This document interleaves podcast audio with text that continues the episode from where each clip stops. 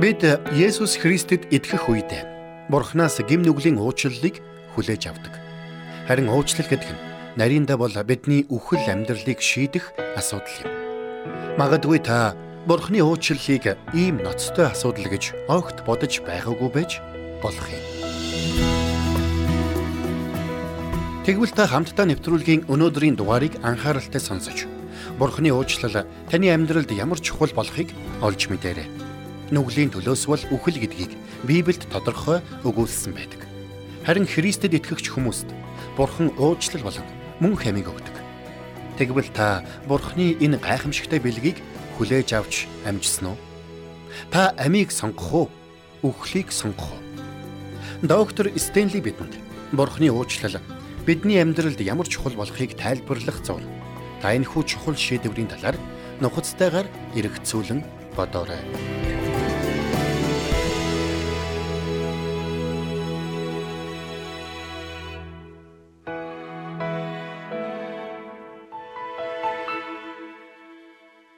Есүс Христтэй харилцах харилцаагаа та хэрхэн тодорхойлох вэ? Та өдөр тутмын амьдралдаа Бурхны баяр хөөр, амар тайван дотор алхаж, Бурхан таны гим нүглийг уучлсан гэдэгт итгэх итгэл дотроос Бурхны нэгүсэл дор амьдрч байна уу? Эсвэл таны амьдрал Бурханд таалагдахгүй байгаа юм шиг сөрөг мэдрэмжийн дор урам муутайхан алхаж явна уу? Магадгүй таны итгэлийн амьдралд яг юу нь болохгүй байгааг та сайн мэдэхгүй байгаа ч ямар нэгэн шалтгааны улмаас болоод Бурхантай нөхөрлөх тэр нөхөрлөл буюу хайрын харилцаа чинь өрдийн шигэ ойр дотн байха болжсон байж болох юм. Магадгүй та ямар нэгэн зүйлийг арай өөрөөр хийх ёстой байсан гэж бодож байж болох юм. Эсвэл ямар нэгэн зүйлийг арай дутуу хийсэн юм шиг танд санагдаж байж болох юм. Өнөөдөр маш олон итгэвч хүмүүс энэ мэд буруутгалын таагүй мэдрэмж дунд амьдарсаар байдаг. Гэтэл таны мэдэрч байгаа тэрхүү буруутгалын мэдрэмж чинь хуурамч байвал яах вэ? Хэрвээ бид Ром номын 6 дугаар бүлгийн 23 дугаар ишлэгийг харах юм бол Паул инх үгүүлсэн байна. Учир нь нүглийн хөлсөн нүхэл юм. Харин Бурхны бэлэг бол бидний эзэн Есүс Христ доторх мөнх ам мөн гэж хэлсэн. Та бодоод үзээрэй. Хэрвээ нүглийн төлөөс нь үхэл юм бол эсрэгээр Бурхны бэлэг нь Есүс Христ доторх мөнх ам юм бол Тэгэд Есүс Христээр дамжуулан ирэх мөнх ам нь бидний гимнүглийн уучлалтай салшгүй холбоотой юм бол Гим нүглийн уучлал гэдэг ойлголт нь үнэхээр бидний үхэл амьдралыг шийдэх амин чухал асуудал болж таарч байна. Тийм ч учраас өнөөдөр би та бүхэнтэй уучлал ба үхэл амьдралыг шийдэх асуудал гэсэн сэдвээр ярилцахыг хүссэн юм. Ингээд хамтдаа гимнүглийн уучлалын тухай ярилцахаас өмнө эхлээд уучлал болон буруутгалын хоорондын уялдаа холбоог авч үзцгээе. Хин нэгэнд уучлагдах хэрэгцээ байна гэдэг нь тэр хүнд ямар нэгэн буруутгал байна гэсэн үг юм. Харин буруутгалыг мэдэрч байна гэдэг нь тухайн хүн өөрийнхөө бурууг мэдэж байна гэсэн үг юм. Харин тухайн хүн өөрийнхөө бурууг мэдэж байна гэдэг нь тэр хүний дотор зөв бурууг ялгах чадвар байна гэсэн үг юм.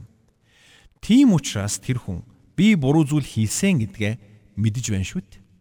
Тэгвэл буруу зүвийг ялгах тэрхүү мэдрэмж нь буруу үйлдэлийн цаадах сөрөг үр дагавар буюу үүрэг хариуцлага байдаг гэдгийн илэрхийлэл болдго юм. Тэгвэл та одоо миний хэлэх зүйлийг анхааралтай сонсоорой. Бид бурхан эцэгтэй дуулуургүй байж үг болон үйлдэлээр түүний үг тушаалыг зөрчих үедээ тухайн үйлдэлийнхээ үүрэг хариуцлагыг өөрсдөө хүлээх ёстой болдгийм. Учир нь тэр бүх үйлдэл нь бидний өөрсдийн сонголт юм. Би хүнд хэцүү орчинд өссөн учраас ийм хүн болсон юм а.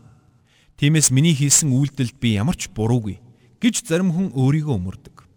Гэхдээ эцсийн дүндээ гим нүгэл үлдэж Бурхны өмнө дуулуургүй байх сонголтыг тэр хүн өөрөө л хийсэн гэдгийг бид ойлгох хэрэгтэй. Гим нүгэл өөрөө устан сүрүүлэх мөн чанартай юм. Хизээд ийм байсаар ирсэн. Бурхан бидэнд хуйлуудыг өгсөн. Биднийг аз жаргалтай, эрх чөлөөтэй, амьдрахад цаад болохын тулд биш юм. Эсвэргээр Бурханы хууль нэг бүр нь биднийг хамгаалахын тулд юм. Тэгвэл Бурхан бидний хинээс юунаас голчлон хамгаалахыг хүсдэг гэж биднээс өөрсдөөс маань.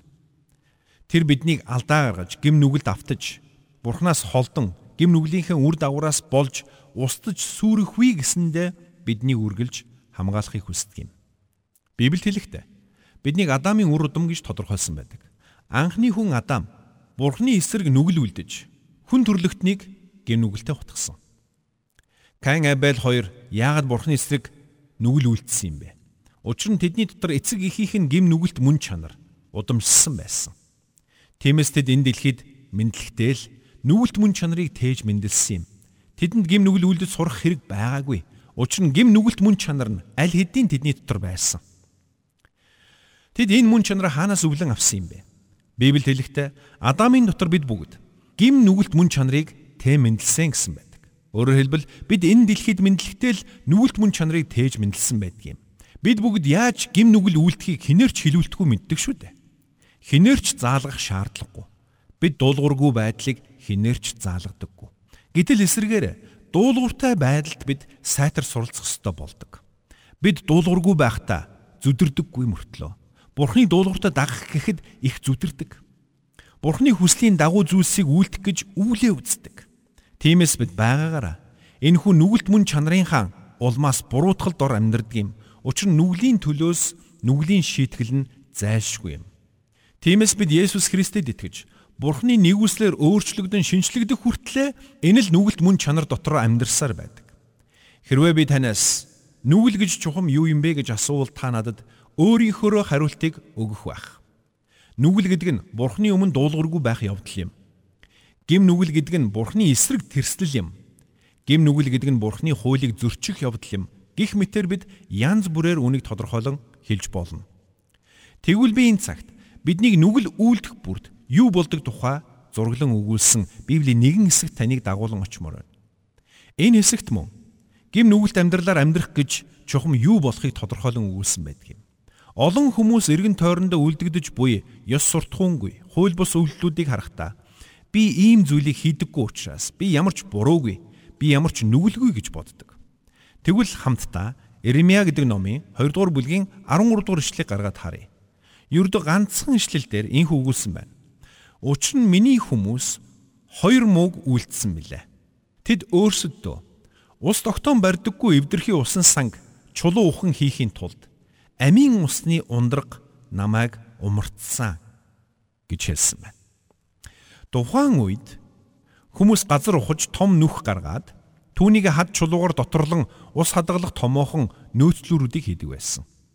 Тэрхүү нөөцлүүр буюу усан сангийн гол зорилго нь ундны болон бусад зорилгоор ашиглагдах их хэмжээний усыг дотроо нөөцлөн хадгалах явдал юм. Тэгвэл бурхан энд юу гэж айлтсан бэ? Хардаа учир нь миний хүмүүс хоёр мууг үйлдсэн мөлий гэж айлтсан байна. Тэгвэл хоёр ёрын муугийн эхнийх нь юу болох вэ? Эхнийх нь амийн усны ундраг намайг умартсан гэж хэлсэн байна. Амийн усны ундраг гэдэг нь зогсошгүй, тасралтгүй ундарсаар байдаг ус гэсэн үг юм. Тэгвэл Израильчууд юу хийсэн бэ? Тэд амийн усны ундраг болсон эзэн бурхнаа умартсан байна. Эзэн Есүс нэгэнтээ өөрийгөө амийн ус хэмээн нэрлэж байсныг та санаж байна уу? Мөнхийн ундрагта амийн ус байсаар байтал түүнийг үл ошоогоод өөртөө ус хуримтлуулах нөөцлүүр барина гэдэг хэрхэвч ухаалаг хэрэг биш юм. Тэгвэл энэ нь яг юу гэсэн утгыг илэрхийлж байна вэ? Энэ нь Есүс Христийг амьдралдаа хүлээн авахаас татгалцсан өөрийнхөө амьдралын замыг өөрөө сонгоно гэсэн үг юм. Бурхны төлөвөг үл тоож, өөрийнхөөрөө нөөцлүүр ухаж, өөрийнхөөрөө амьдрна гэсэн үг юм. Амийн ус тэнд байгааг би мэдэж л байна.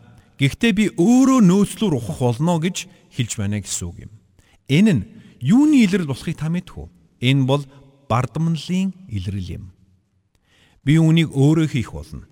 Энэ бол бүхнийг өөрийн хүчээр хийх гэсэн хүмүүний бардам зангийн илрэл юм.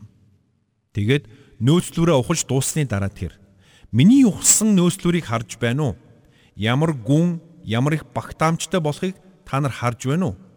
Би үнийг өөрийн хүчээр ухсан юм а хэмээн сайрхах болно. Нэг талаас энэ бол гим нүглийн зураглал юм. Гим нүгэл гэдэг бол би бурхны арга замаар бус өөрийнхөө арга замаар хэрэгцээгээ хангах гэж оролдож байна гэсэн үг юм.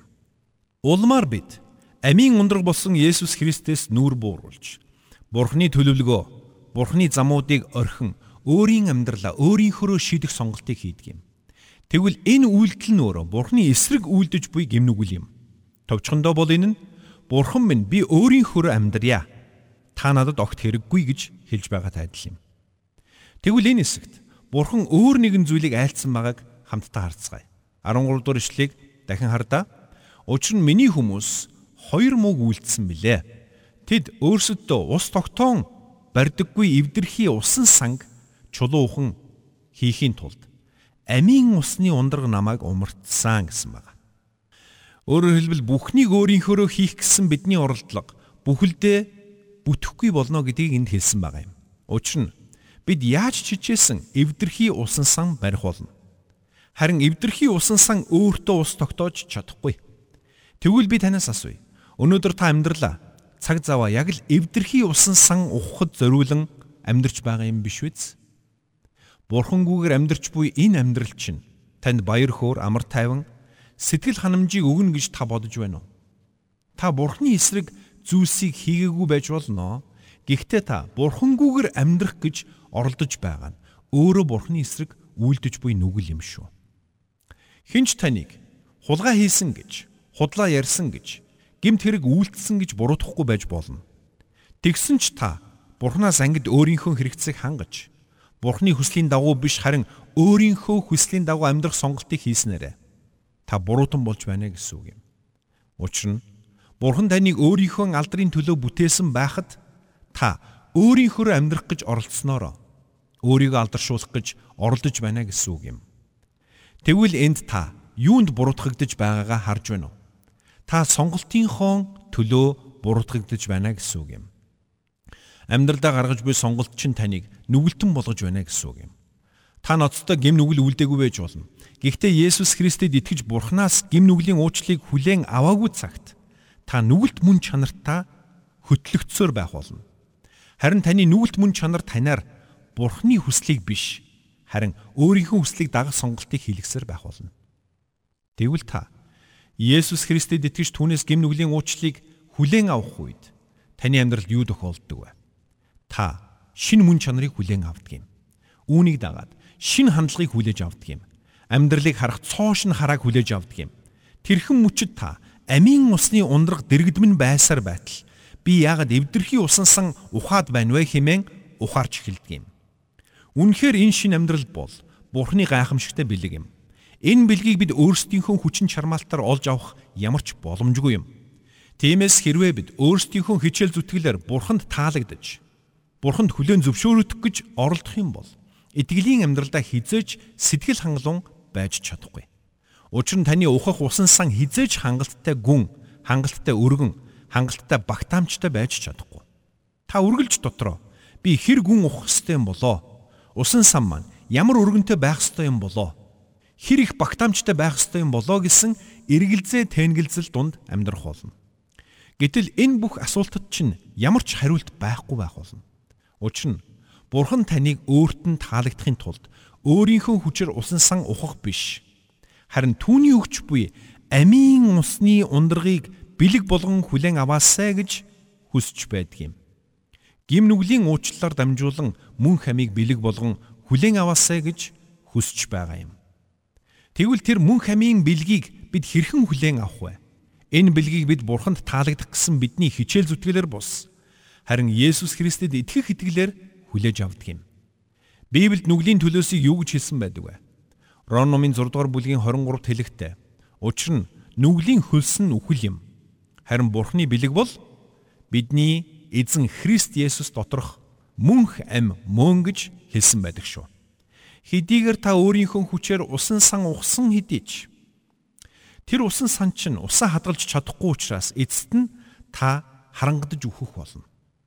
Тиймээс ч Библиэд нүглийн хөлс нь үхэл юм гэж хэлсэн. Харин Бурхны бэлэг бол Есүс Христ доторх мөнх ам юм. Бурхан хүмүүсийг там тахихыг хүсдэггүй. Тиймээс ч тэр там руу явах тэдний замд өөрийн амийг хөндлсүүлэн тавьсан юм. Тинхүү тэд тамд орохын тулд эхлээд Бурхны өөрийн амиар түлж буй бидэнд өгсөн тэрхүү мөн хамын дээгүүр гიშгээд гарах ёстой болно гэсэн үг юм.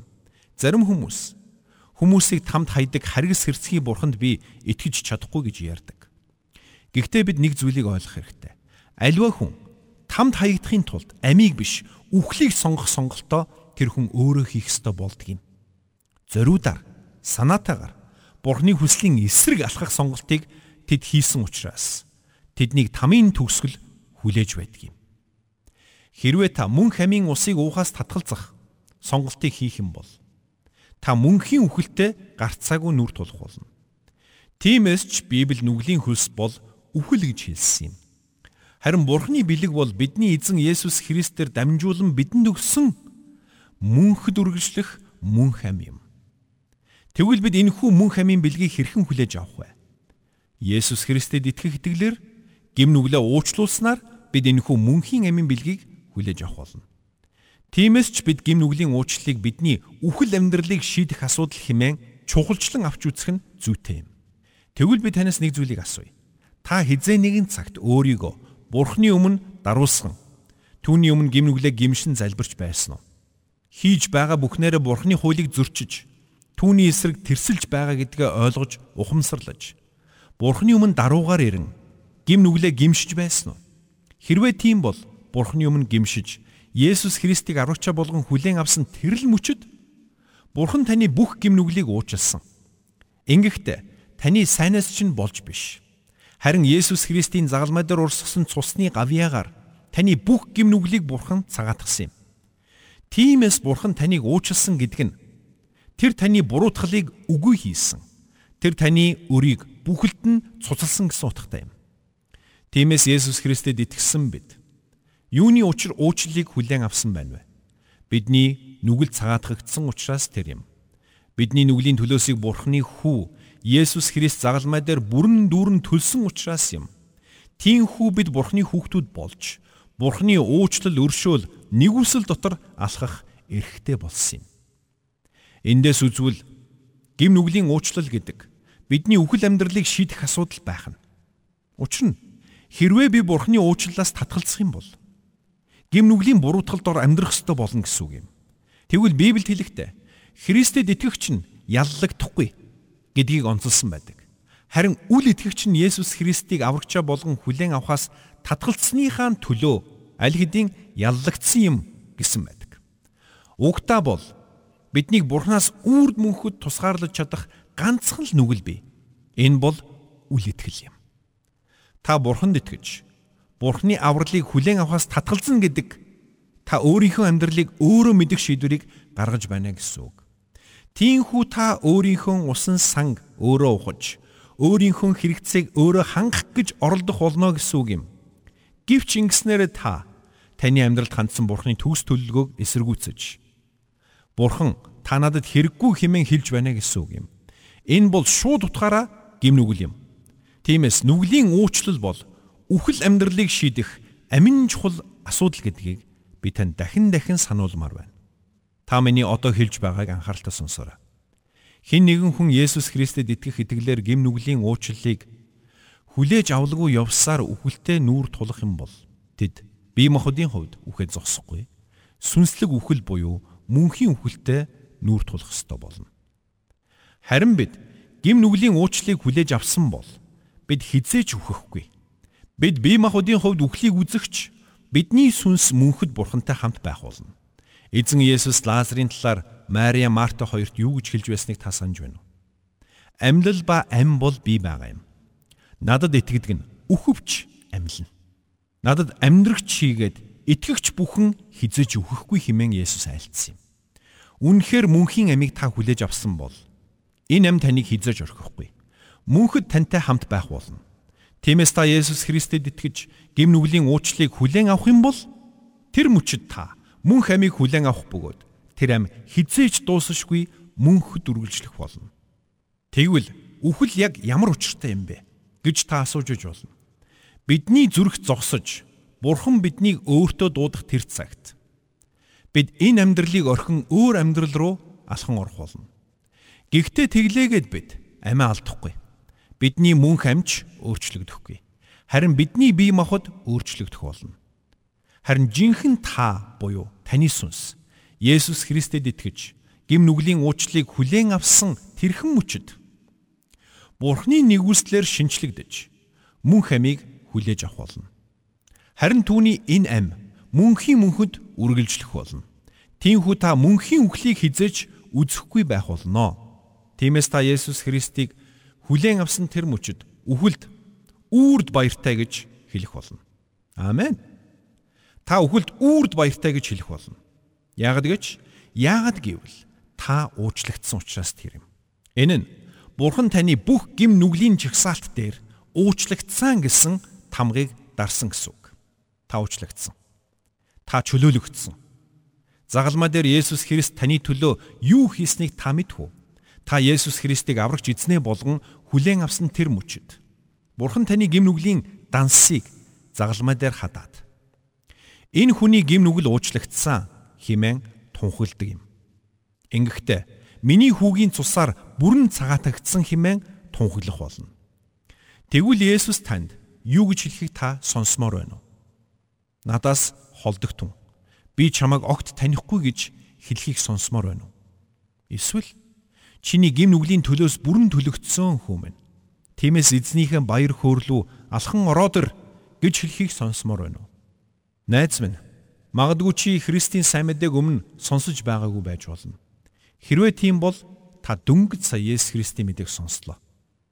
Тэр таны гим нүглийн төлөө загалмай дээр амиа өгсөн учраас түүнд итгэж түүнийг аврагчаа болгон хүлээн авах тэр мөчөд та Бурхны уучлалыг хүлээн авч улмаар Бурхны мөнх амийн бэлгийг хүлээн авах болно.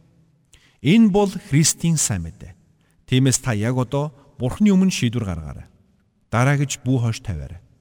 Учир нь Бурхны шүүлтийн өмнө зогсох тэр цагт бүх зүйл хитрхээ оройтсон байх болно. Тиймээс та яг энэ цагт Бурхны өмнө шийдвэр гарган залбираарай. Та хаа байгаа газраас Бурхан тандан инхүү залбираарай. Бурхан эцэг минь. Би таны эсрэг нүгэл үлдсэн билээ. Би өөрийн гараар усан сан барих гэж оролцсон боловч бүтсэнгүй. Тиймээс би таны өмнө ирээд гим нүглээ гимшиж байна. Өөрийнхөө Есүс Христийн загалмайн үхлийг санахдаа миний гим нүглийг уучлаач. Би итгэлээрээ Есүс Христийг аврагчаа болгон хүлээн авч байна хэмээн та залбираарай. Таныг ийхүү залбирах тэр мөчөд юу болохыг та мэдэж байна уу? Таны гим нүглийн төлөөс бүрэн төлөгдөх болно. Тэгээд таны дотор Есүс Христийн ам нутаглаж таны дотроос амийн ундраг үргэлж ундарч та бурхантай хамт мөнхийн мөнхөд амьдрах болно.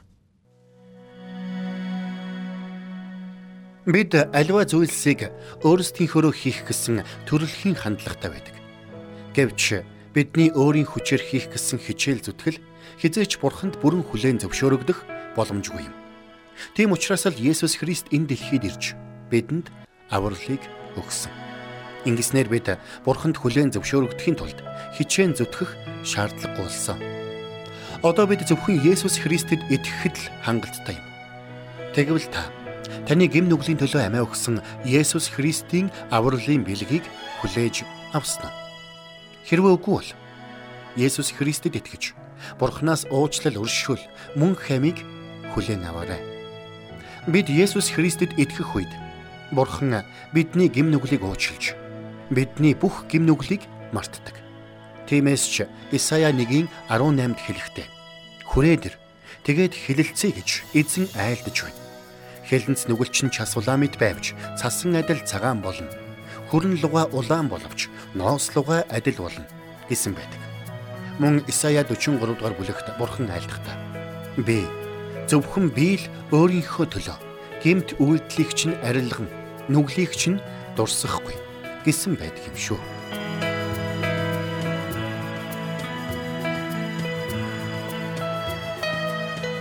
Бурханд тэмүүлсэн сэтгэл хүмүүсийг энэрх зөрхөөр амьдрахад туслах номлогч доктор Чарлз Стенлигийн хамттай нэвтрүүлэг сонсогч танд хүрэлээ. Нэвтрүүлгийг дахин сонсохыг хүсвэл ихтгэл радиоцик.com-оор зочлоорой. Бидэнтэй холбогдохыг хүсвэл 8085 99 тэгтэг дугаард хандаарай.